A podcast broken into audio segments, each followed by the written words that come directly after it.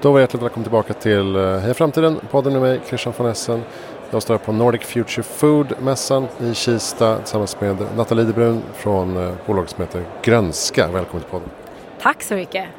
Eh, CFO och medgrundare, var det så? Det stämmer, det stämmer, exakt. Berätta lite om bakgrunden till eh, Grönska. Ni gör ju fantastiska vertikalodlade bladgrönsaker och örter.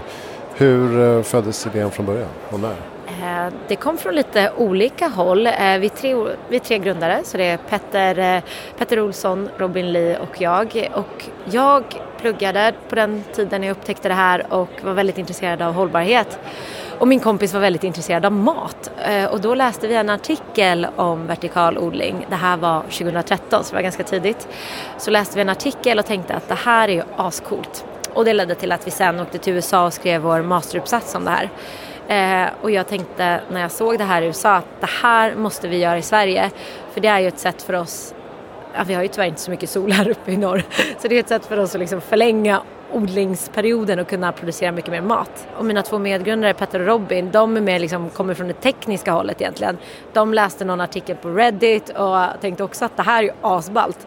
Jag är ju mer teoretiskt lagd, börjar med en uppsats. De är mer liksom praktiskt lagda och började bygga istället. Eh, och sen så träffades vi och startade Grönska 2016 blir det. Ja, så har vi hållit på sedan dess med teknisk utveckling och allt som hör där till. Vad är ni idag då, sex år senare? Idag är vi, eh, det är jätteroligt, det är inte bara vi tre längre utan vi är ju ett team på typ 20 personer med liksom fantastiska skills och fantastiska personer som vi alla driver bolaget framåt. Eh, vi har en eh, stor odling i eh, södra Stockholm, i Huddinge, där vi producerar massa främst örter och sallader och det är jättekul. Den är liksom, vi har nästan säljstopp där för vi har sålt så bra. Eh, och sen har vi även tagit fram en miniatyr kan man säga, en eh, kylskåpsstorleksodling kan man säga för att kunna odla direkt i restaurang eller skola eller matbutik. Eh, den kallar vi för Grow-Off. Så det är superkul, det har vi utvecklat både mjukvara, hårdvara och app som hör till. Och framåt så kommer vi expandera vidare, är tanken både liksom med de här storskaliga odlingarna och nu verkligen komma ut och nå ut med de här småskaliga. Eh, Kylskåpet vi står och tittar på här nu va, på mässan. Ja men precis. Eh, och vad är det för teknologi som ligger i eh, den här konstruktionen? Det- Just den här eh, miniatyrodlingen, den här growfen, är ju supercool för den är ju verkligen, vi har lagt väldigt mycket tid och kärlek på att utveckla den. Och det är både väldigt många sensorer som känner av allt så att skåpet är ju liksom, det rullar ju av sig självt. Vi har RFID-läsare, RFID-taggar. Det jag vet är att den är sjukt enkel att använda.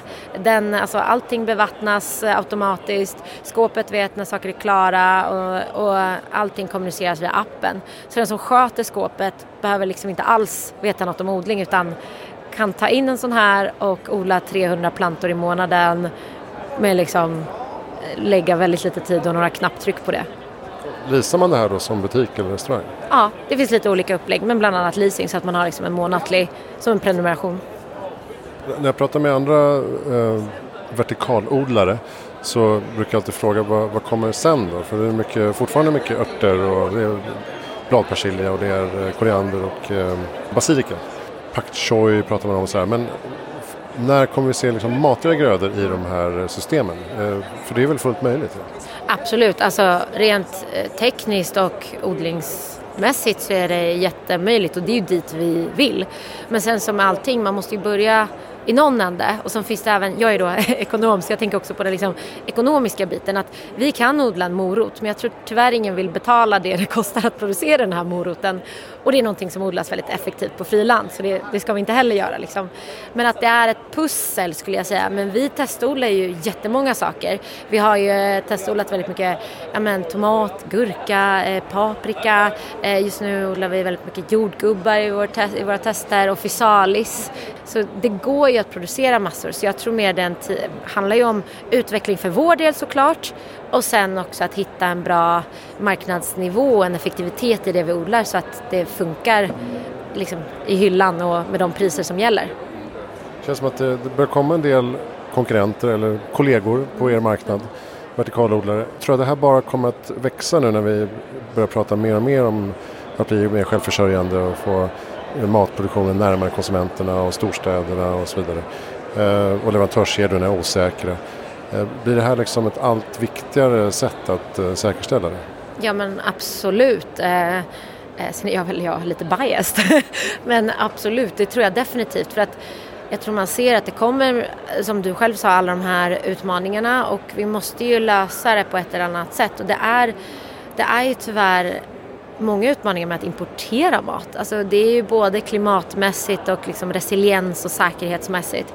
Så jag tror absolut att det här kommer komma mer på tapeten och det är, det är ju väldigt kul för oss för då kan ju vi fortsätta att utveckla och göra det här ännu bättre, mer effektivt och, och liksom odla de här eh, tomaterna och gurkorna och bönorna och allt vi behöver liksom på lång tid. Vi ser ju att det här kommer ju ersätta mycket av odling för det är ett väldigt effektivt sätt att odla och även liksom vara på ett matsäkert sätt.